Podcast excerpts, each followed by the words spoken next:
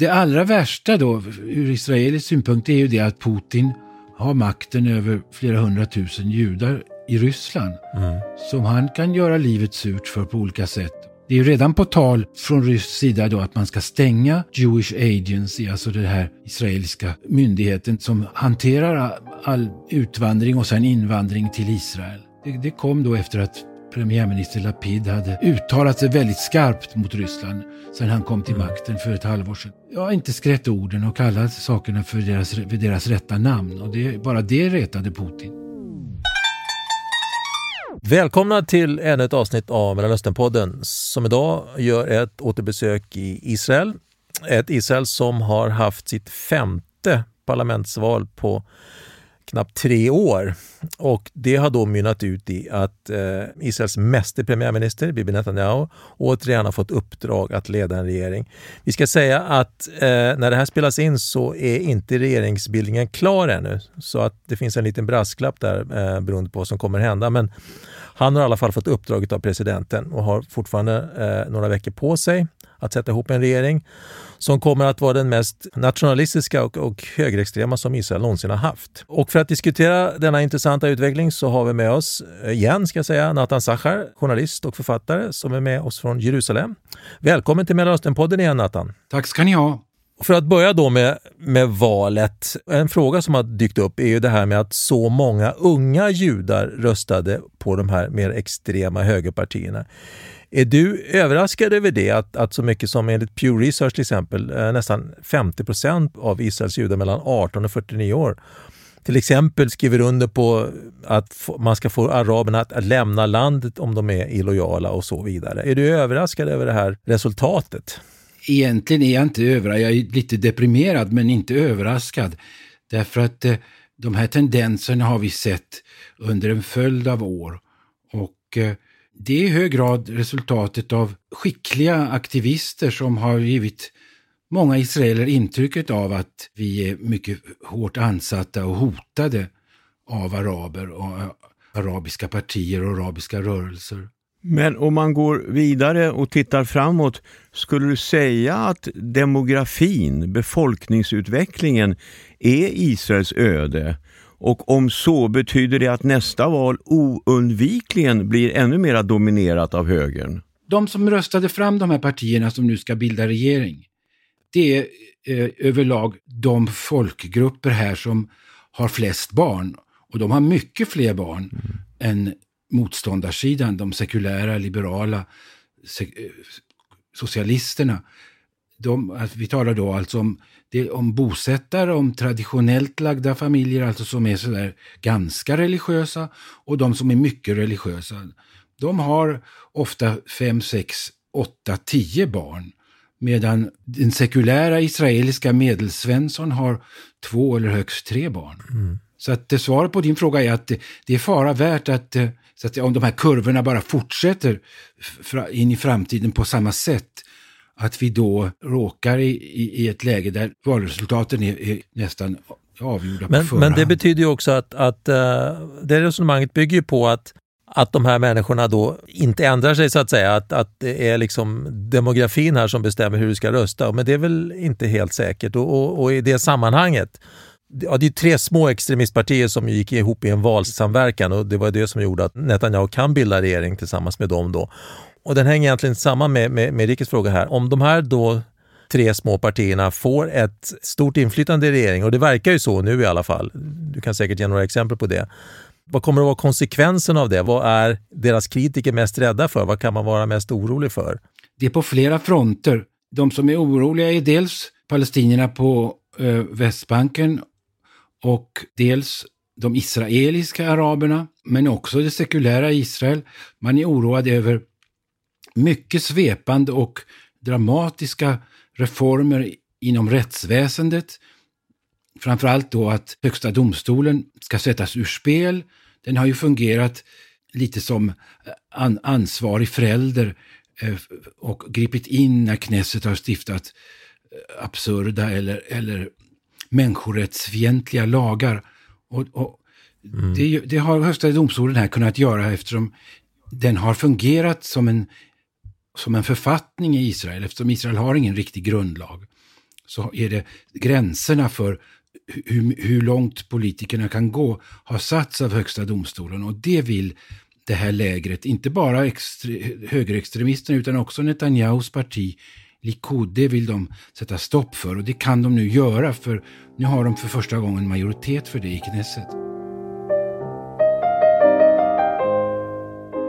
Om man stannar upp lite grann med vad som händer på Västbanken så har det ju varit osedvanligt våldsamt i år med 125 döda palestinier och ett tiotal israeler.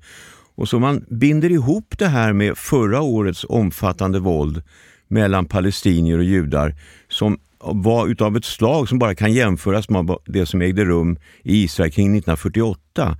Så det låter lite grann som vi är på väg in i en extraordinär situation när det gäller relationen mellan palestinier och judar. Vad säger du om det? Ja, det där som du berörde, som hände i maj i fjol, det var mycket traumatiskt när judar och araber rök ihop, i synnerhet i de städer där, där judar och araber lever samman. Mm och lynchade varandra. Det tror jag, bilderna därifrån och stämningarna kring detta har varit mycket tacksamma för de här partierna som, som vädjar till de mest extremnationalistiska och, och våldsamma känslorna. Det är en sak, men det, man, det hänger inte så mycket ihop med det som händer på Västbanken. För där är det an, andra frågor och en annan dynamik. Om jag skulle helt kort bara repetera lite, ni äldre kommer ihåg hur ockupationen var före 1993. Palestinierna hade, de hade ingen till, tillstånd att agera politiskt. Israeliska soldater rev ner palestinska flaggor och den som hörde till Fatah-partiet, han kunde råka i fängelse för det.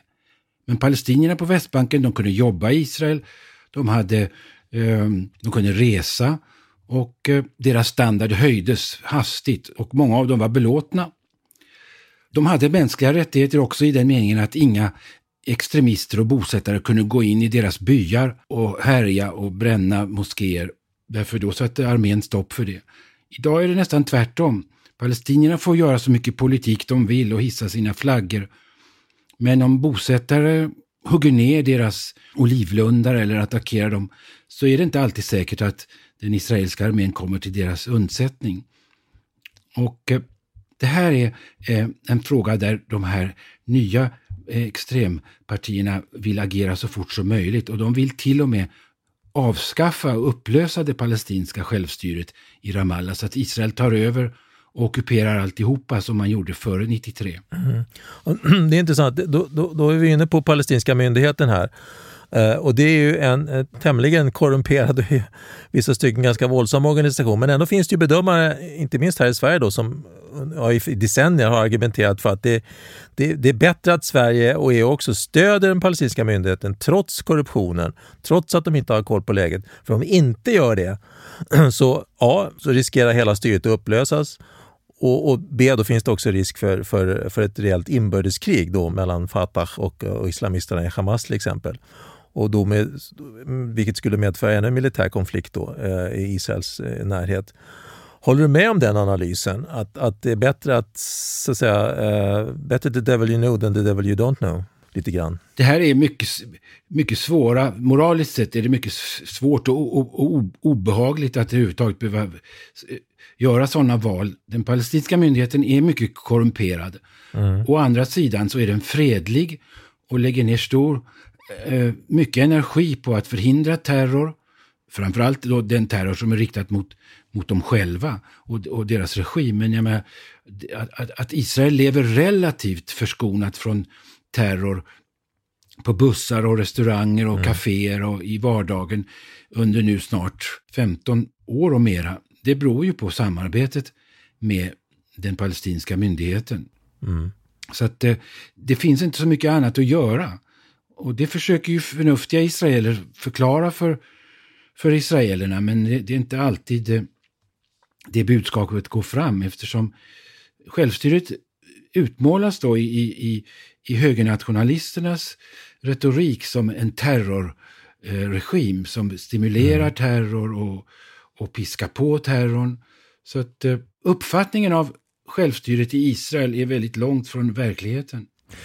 Men om man då tittar framåt kan du föreställa dig någonting som kan få Bibi Netanyahu att inleda förhandlingar med självstyret om en lösning på konflikten?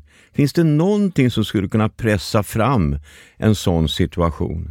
Inte som det ser ut nu, därför att nu har han ju dessutom för första gången i alla sina olika ko koalitioner som han har lett, så har han nu ingen fredsinriktad komponent, eh, koalitionspartner med sig som kan yrka på det. Utan tvärtom, om han skulle närma sig eh, eh, palestinierna och börja förhandla med dem så skulle han få mycket stöta på hårt motstånd från sin egen koalition. Så det, det tror jag inte man ska räkna med. Det enda som skulle kunna möjligtvis eh, påverka den större bilden, det vore ju om det blev ett uppror här och mycket våld och, och världen skulle på nytt börja intressera sig för Palestina och, och USA skulle igen efter då åtta års uppehåll agera för att få till stånd riktiga samtal. Men, men det syns inte något sånt vid horisonten nu. Mm. Och du tror inte att ett utvidgat The Abraham Accords där till exempel kanske Saudiarabien kommer att vara med, du tror inte att den grupperingen skulle kunna sätta tryck på Israel så att någonting händer i relationen till Västbanken? Vi såg häromåret hur eh, Netanyahu var inställd på att annektera stora delar av Västbanken. Men då sa Arabemiraten, som just höll på att sluta fred med Israel, att om ni gör det, då blir det ingenting med freden. Och eh, det tog skruv, men att pressa fram till exempel en palestinsk stat, jag vet inte, jag, jag, det är det att Netanyahu har ju också väljare. Oavsett vad han själv tycker är, är rimligt och förnuftigt så har han en massa väljare som absolut inte vill ha en palestinsk stat. Och något annat än en palestinsk stat är ju inte fråga om det, för palestinierna har ju redan självstyre. Mm. Jag, jag, jag, kan inte se en, eh, någon sån utveckling alls. Om vi håller oss kvar lite när det gäller Netanyahu och hur han kommer att agera. Han har ju också varit kritisk mot det här avtalet med Libanon. Eh, där man eh, drog en, en, gräns där för var Libanon ska utvinna gas och var Israel ska utvinna gas och så vidare. Den överenskommelsen som ju har utmålats som en, som en, ja, som en sorts game changer och att det faktiskt visar att man kan få ett avtal till stånd även med ett land som man rent tekniskt befinner sig i krig med fortfarande. Hur tror du att Netanyahu kommer att agera där? Kommer han att riva upp det här avtalet eller, eller kommer han att, att uh, hålla fast vid det? Jag tror inte han kommer riva upp det. Nej. Därför att det, det, det, här, det var spelat, det här att han var så indignerad över avtalet. Därför att det var en, en stor framgång och en bedrift som den nu avgående premiärminister Lapid svängde sig med under valrörelsen att han hade åstadkommit ett, ett riktigt avtal med, med, med viktiga konsekvenser eh, med Libanon som ju är nästan kan man säga en iransk marionett. Ett land som inte har någon egen vilja och egen kraft. Så att eh, jag tror inte att han, han kommer kanske att gör, låtsas att han kräver vissa omskrivningar av vissa paragrafer men, men inte mycket. Det här är ett bra avtal för Israel.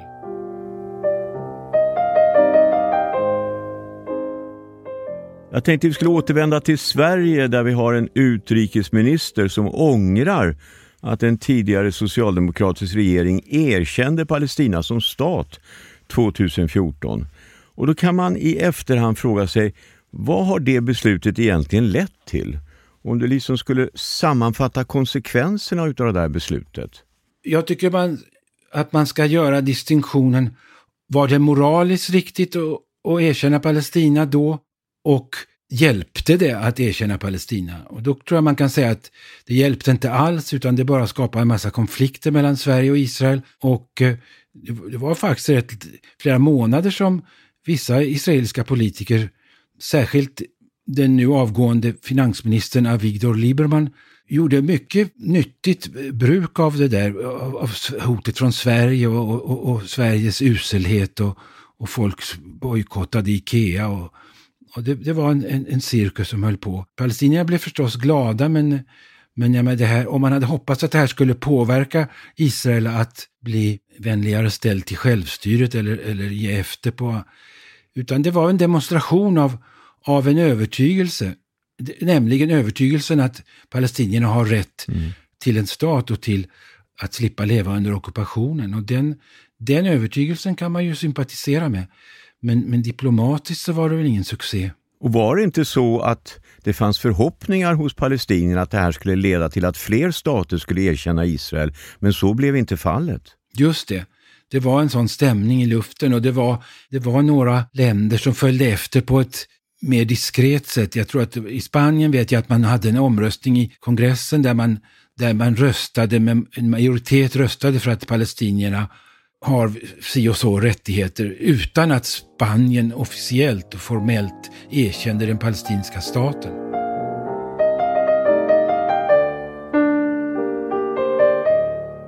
Om vi håller oss kvar lite då med Israel och, och förbindelserna med, med omlandet här, eller utlandet.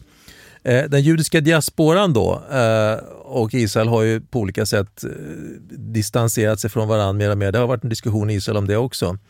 Och inte minst nu då med, med, i och med det här valet så, så eh, har den amerikanska judenheten och Israel blivit, det har dykt upp konfliktungar. Och, och, det är väl kanske någonting som man bedömer kan stärkas ännu mer om, om den här, eh, som det ser ut nu, då, Bibis nya regering kommer att förstärka av de här väldigt högerextrema krafterna. Uh, och till exempel att, det, det, har ju också diskuterats att, att det ska bli omöjligt att godkänna reformerta konservativa konverteringar till exempel, även om det kanske inte går så långt, men att det, att det diskuteras i alla fall.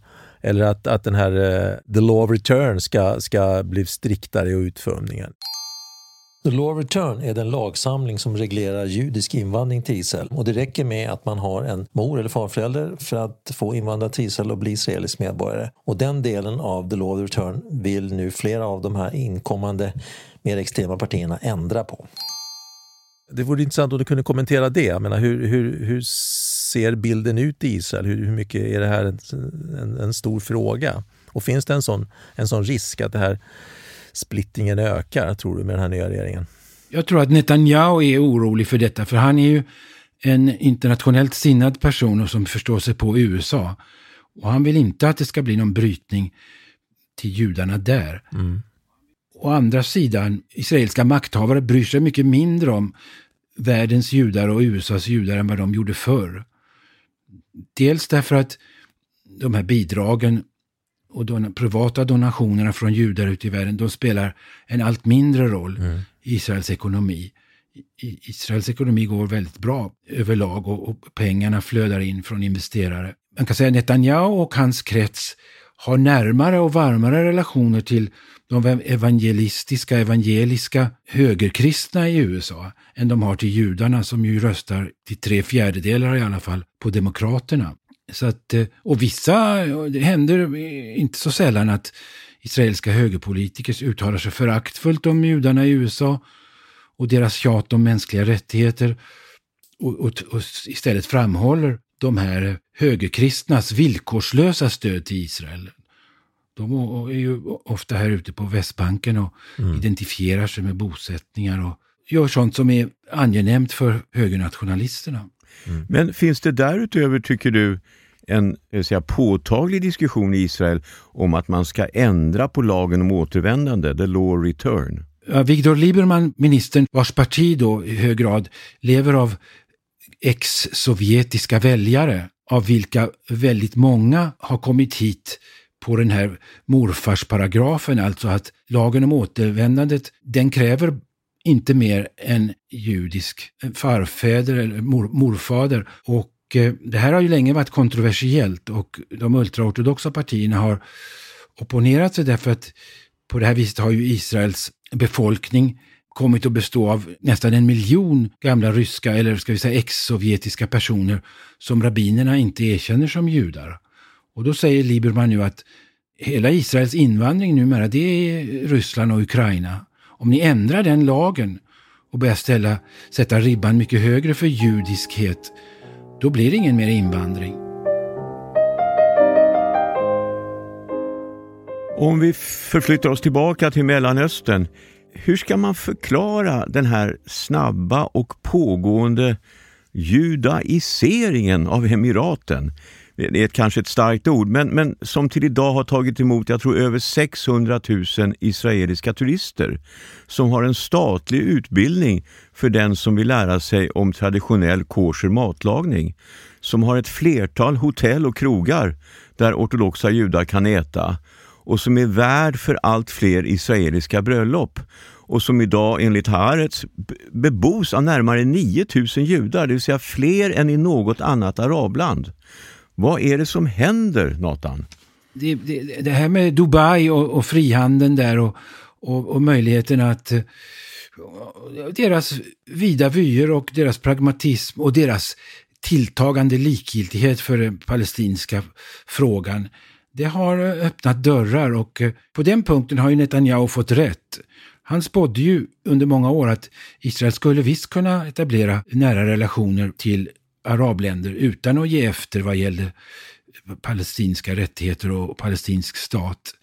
Nu under VM i fotboll så är det inte bara de emiraten som vi har relationer till utan det är också Qatar som har blivit resmål för en 20 000 israeler. Utan några incidenter eller våldsamheter, tvärtom folk rapporterar att de blir väl mottagna.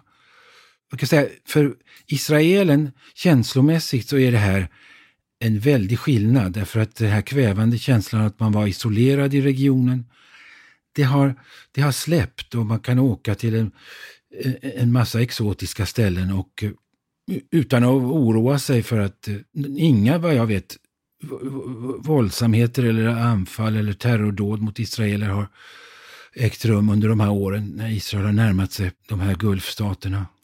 Men, men då undrar man, finns det en besvikelse hos israeliska affärsmän och butiksägare och andra att inte resandet åt andra hållet har blivit så mycket större? Att det inte har blivit så många turister från Emiraten och Bahrain?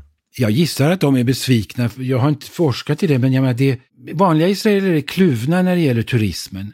Israel har ingen hög turism jämfört med, med Emiraten och, och, och, och Dubai. Och det är ganska skönt när man lever i ett sånt överbefolkat land. Nationalekonomiskt så är inte turismen viktig för Israel längre. Det var den ju länge. Att de inte kommer i, i, i större utsträckning, eh, det, jag vet inte vad det beror på, om det är brist på intresse.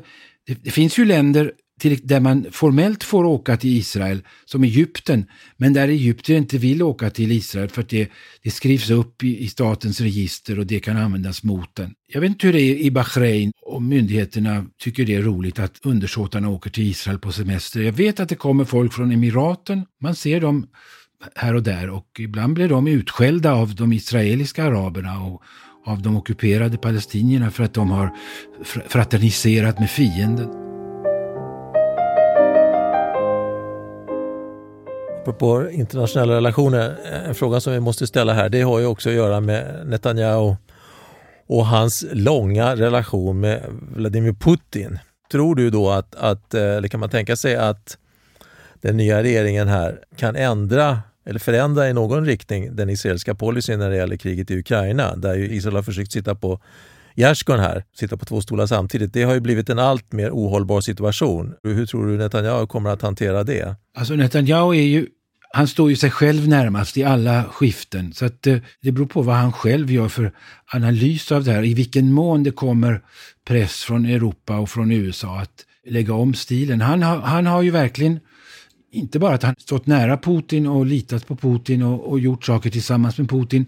I, I, flera av de här valkampanjerna som ni nämnde, fem stycken på kort tid, så har ju de stora valaffischerna varit just Netanyahu skakar hand med Putin. Mm, och vi då, världens ledare och eh, Netanyahu spelar liksom i en annan liga än de, de andra enklare israeliska politikerna.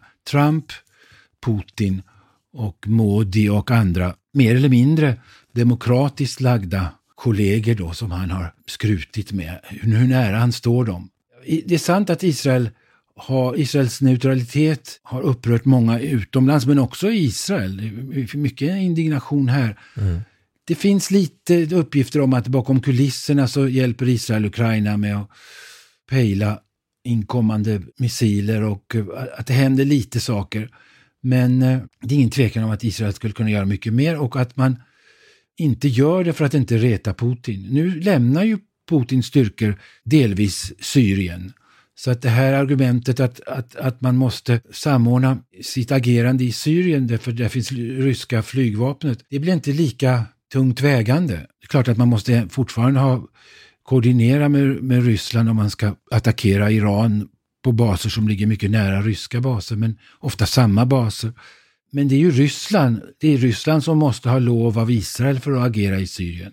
Därför Ryssland har, har kanske 20 flygplan och Israel har 500. Ja precis, det argumentet har ju egentligen aldrig, har ju aldrig riktigt hållit. Uh, inte minst Israels militär har ju påpekat det. Så det är riktigt därför jag ställer frågan här va? Om, om, uh, om den här pressen då ökar från till exempel USAs sida som den ju faktiskt har gjort eh, och från många andra håll också att Israel kan inte fortsätta på det här viset, eh, att inte hjälpa Ukraina mer. Om, om, om eh, ett, ett regeringstillträde av Netanyahu skulle förändra den bilden, om han skulle så att säga bara för, känna sig föranlåten att, att, att, att vika ner sig lite här och bli mindre neutral.